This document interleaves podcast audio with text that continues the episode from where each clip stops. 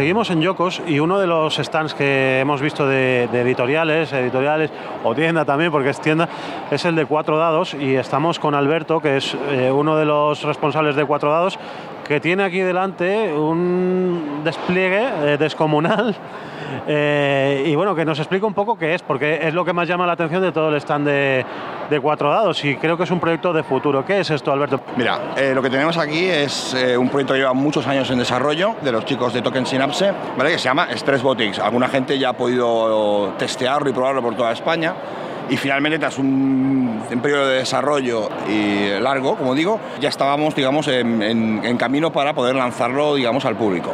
La idea es eh, acabar el trabajo que queda de diseño y lanzarlo en Kickstarter, porque es un proyecto, como bien dices, no se puede ver evidentemente, pero es tremendamente ambicioso.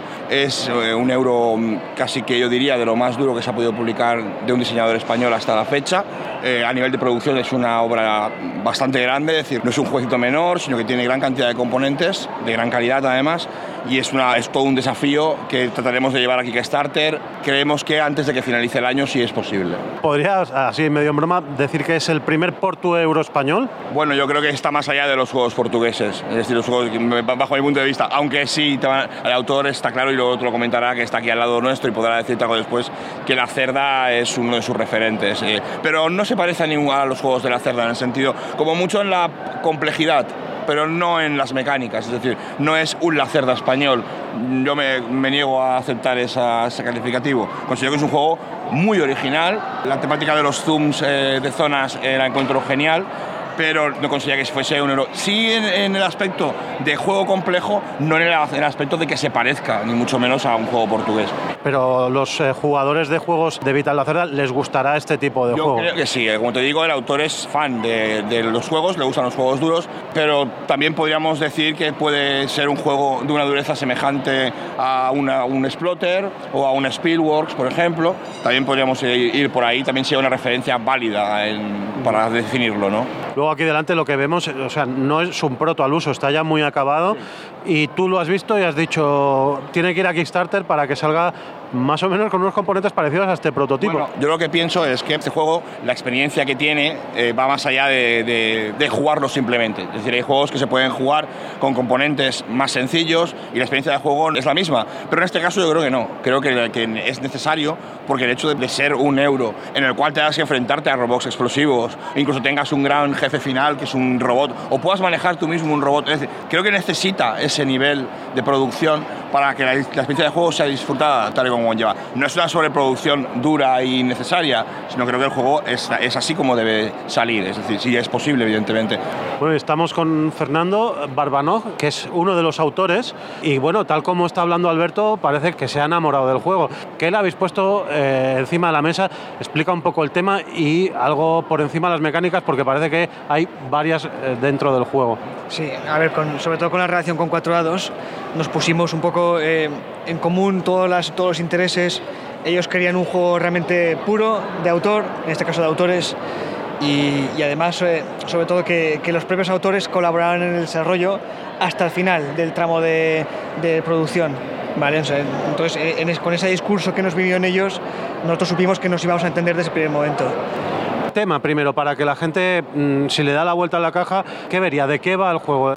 Es muy fácil. Eh, tú eres un robot que perteneces a una corporación de robots cúbicos, ¿vale? Que se llama Cubibotics que son todos eh, tanto cubiformes como eh, prismáticos, ¿de acuerdo? Son todos de esquina viva. Te han encargado extraer recursos de un exoplaneta lejano a tu sistema, de abrir una serie de entramado de salas de producción y elaboración de recursos y luego llegar al núcleo para drenarlo de, de lava, ¿vale? Dejarlo todo vacío. En el momento que llegas al núcleo, la corporación enemiga, que son cilindros, empiezan a soltar todos los droides y empiezan a eh, atravesar el planeta hasta llegar a tu localización. En ese momento tu corporación te dice date la vuelta, recoge todos los recursos que has empezado a extraer y entregárnoslo en las naves que van a coger la órbita del planeta y la van a abandonar. Has dicho corporación enemiga, ¿la corporación enemiga es una IA o la lleva un jugador o todos los jugadores van contra la corporación enemiga? ¿Cómo? Todo funciona por IA, ¿vale? A través de eventos. Entonces la, corporación enemiga tiene una serie de parámetros que se van manteniendo solos durante una fase del, del turno. Y luego mecánicas, así eh, fuera de micro, me has dicho que tenía bastantes. O sea, es, es como una suma de mecánicas y parece mentira que, que al final todas eh, resulten, ¿no? Pero decís que sí, que está muy probado y muy testeado. Sí, son, a ver, son mecánicas que si te dijera una no es la que resume el juego, pero bueno, podríamos empezar por ejemplo con eh, colocación de trabajadores, ¿vale? Luego también tienes el movimiento de punto a punto, programación de acciones, eh, luego estaría Set Collection también, transformación de recursos, pues tienes un, poco de, mezcla de todo en este sentido. O sea que no habría ninguna mecánica que definiera el juego en sí, pero bueno, yo creo que la única que puede ser la más, la más pura es la de colocación de trabajadores, que es de colocación de trabajadores singular, o sea, de un solo trabajador. Y antes de aterrizar aquí, en este idilio amoroso con cuatro dados, ¿lo habíais movido por algún sitio, en el extranjero? ¿Lo, eh, eh, habíais presentado algún concurso de prototipos o algo? ¿O habéis llegado aquí y ha sido, pam, llegar y, y para adelante? A ver, eh, aquí tuvimos un poco de movimiento por ferias, tampoco somos propensos a ir a muchas ferias, porque si vamos a una feria nosotros también queremos llevar novedades del proyecto para que la gente también pueda darnos un feedback y aprovechar también la gente que se para jugar. Eh, por lo tanto, las únicas ferias que hemos tocado este, hasta el día de hoy pues es en Córdoba del año pasado, eh, las DAO, protos y tipos, y ahora aquí en Yocos. Eh, tampoco hemos, y luego algún evento en tienda muy suelto. Ya te digo, y sobre todo antes de hablar con cuatro dados, pues hemos tenido conversaciones con unas cuantas editoriales que, bueno, con algunas hemos empezado a entendernos, pero nunca hemos llegado a un acuerdo hasta, hasta el día de hoy, básicamente. Igual a, a las editoriales españolas les cuesta a lo mejor un proyecto tan ambicioso ¿no? Eh, como este, porque es que se ve desplegado y mucho componente, visualmente ya el proto es atractivo.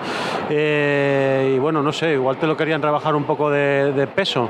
Bueno, a ver, había pretensiones que venían por parte de las editoriales, eso es cierto, no, nadie se va a engañar. cuando ves un juego así, pues eh, sabes que pertenece a un nicho de jugadores bastante reducido como podría ser, por ejemplo, un juego de un peso menor o de un juego de cartas. Yo lo veo totalmente normal, que quisieran quitar los elementos, que rebajar ciertos componentes, eh, pero bueno, mm, es lo, yo creo que es lo normal, ¿no? En las editoriales. Al final, un proyecto de este tipo de producción, pues eh, es, es complicado como autor primerizo darle un tipo de credibilidad. Pero bueno, una vez que nos conoces y sabes el trabajo que llevamos desde hace varios años, tres en concreto, prácticamente pues al final las cosas caen por su propio peso. Y al final habéis encontrado a Alberto, que es campeón de Yocos de Terraforming Mars, lo tenía que decir, y dice que os mantiene el juego tal cual, el arte más o menos igual, eh, eh, las mecánicas nos tocan ni un pelo y le mantiene el nombre que es Stress Botics. Alberto, ¿cuándo se tiene que poner la gente a mirar Kickstarter? La idea nuestra, y esto estamos, todavía estamos hablándolo, la idea nuestra es eh, intentar estar a principios de diciembre en campaña. ¿vale? nuestra idea es que este juego esté como prototipo en, en Essen este año, la volvemos a la feria, pero eh, la idea es que para el año que viene ya sea una realidad, es decir, para que se presente, no digo antes, pero sí en, la feria de, de Essen de 2019. ¿Y por qué tendría que fijarse la gente en Stress Botics según tú? Si eres un jugador que agradece el trabajo del diseñador en un juego de mesa, más allá de la experiencia de juego, desde luego Stress Botics te va a dar esa sensación. Es decir, eh, lo estás jugando y estás viendo que es un juego tremendamente pensado, tremendamente calculado, donde aunque las matemáticas están debajo, la experiencia de juego es muy buena, es decir, no estás masticando. A mí, por ejemplo, soy un jugador duro, pero no me gusta masticar las matemáticas demasiado en un juego. Y en este juego, por ejemplo, estás jugando, ves que la matemática está detrás, pero no te la estás tragando como en otros juegos, que prácticamente lo que estás haciendo es jugando y haciendo logaritmos de cabeza. ¿Me explico? En este juego estás jugando un juego muy calculado, pero donde está, en realidad estás destruyendo robots, hay robots explosivos que tienes que desconectar para que... Quiero decir, tiene un componente y sin embargo detrás está todo muy medido, muy calculado, montones de cosas que hacer, montones de cosas que controlar. Eh, incluso eh, puedo asumir, y, lo he dicho, se lo he dicho al autor, que al principio abruma de la cantidad de, de información que puedes llegar a manejar, aunque luego todos como siempre, mucho más fluido de lo que puede parecer. Además, lo que, como digo, en el panorama lúdico, no voy a decir en el internacional, porque hay muchísimos juegos, pero sobre todo, por ejemplo, en el panorama nacional, y es uno de los motivos que nos ha decidido a, entrar en este proyecto, es que no hemos encontrado nunca nada diseñado a este nivel. Y, por ejemplo, bastaba, pues, por ejemplo, visitar la zona de prototipos de Jocos para ver que no hay, ningún, no hay ningún prototipo, no ya de calidad, que está muy bien, sino también de, nivel, de complejidad, es decir, el, mercado, digamos, de los diseñadores españoles hasta este punto, bien por la industria, bien por su propia iniciativa, generan otro tipo de, juego. Este juego es atípico. Nosotros, por ejemplo, en 4 lados creemos en el nicho como, como juegos, otras editoriales no, pero nosotros creemos en el nicho, creemos que hay suficiente valor en el nicho que y vale la pena editar estos juegos. Hace a lo mejor 10 años no, pero ahora sí. Y como valoramos esto y también valoramos el producto autor, pues creemos que vale la pena intentarlo tal y como está, en su aspecto más puro y a ver, y a ver qué tal sale. Y ya para acabar, vuelvo otra vez con uno de los autores, porque está a, hecho a seis manos, a tres cabezas, porque veo que Stress Botics está firmado por Fernando Barbanov, Alberto Delmas y Nacho Román. En equipo, ¿qué tal habéis diseñado? ¿Ha sido necesario eh, para un proyecto también de, de largo recorrido eh, tener más, más de una persona detrás? A ver, principalmente además esto, este proyecto lo hemos empezado a diseñar para mantener el contacto entre nosotros, sobre todo Alberto está en Canadá, entonces tener un nexo de unión de este tipo al final te obliga a, a seguir hablando, estar en contacto, pues tener un poco de, de proyectos ¿no? de, entre los amigos. Eh, nosotros nunca hemos sido autores, simplemente hemos jugado entre nosotros desde hace 18 años tal vez, o sea que es algo que llevamos casi desde, desde dentro. Tampoco hemos estado en clubs, por lo tanto para nosotros trabajar entre nosotros es muy fácil porque no hemos conocido más grupo de jugadores que nosotros, hasta hace poco relativamente, hasta que hemos empezado a entrar en el mundo lúdico. Pero vamos, nunca ha habido ningún problema. Además tenemos muy claro el, la línea de desarrollo de, del juego. A mí siempre me gusta preguntarle a los autores que no conozco a qué juegos comerciales suelen jugar.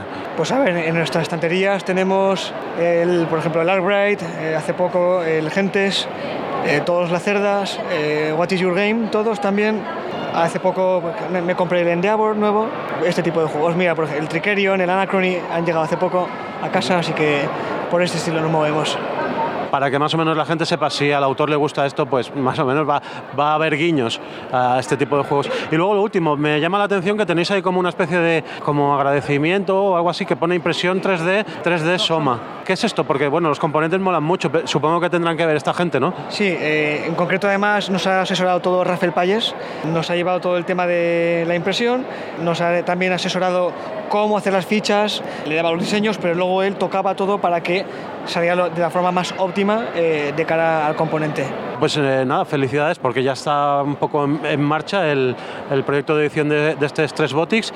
Y finalmente, Alberto, ¿quieres decir algo más? Sí, una cosita solamente, que eh, digo que es una lástima que no, pueda, no se puedan ver las imágenes de lo que él comentaba del diseño de 3D que se ha hecho. Así que animo a la gente que lo esté escuchando y tenga curiosidad de buscar bien en la BGG o buscar por internet Stress Botics, imágenes de lo que es el prototipo y lo que más o menos era el juego porque creo que vale la pena verlo, para que se haga una idea más bien de lo que realmente conlleva, porque ya te digo que explicándolo puede costar un poquito verlo, pero si ven una imagen o de las que, se van, de las que van a salir, por ejemplo, en Yokos, van a encontrar una, una, sorpresa muy grata y les va a gustar. Es un tipo de juego que igual a la gente que le gusta desgranar reglamentos densos, y no sé si está colgado en la BGG el reglamento o algo así. De momento no, estará todo...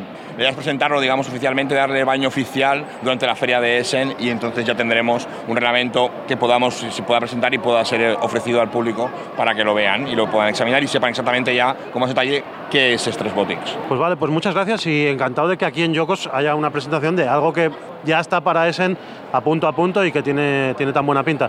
Gracias Alberto. A vosotros como siempre. Y gracias Fernando. Muchas gracias también por tu atención.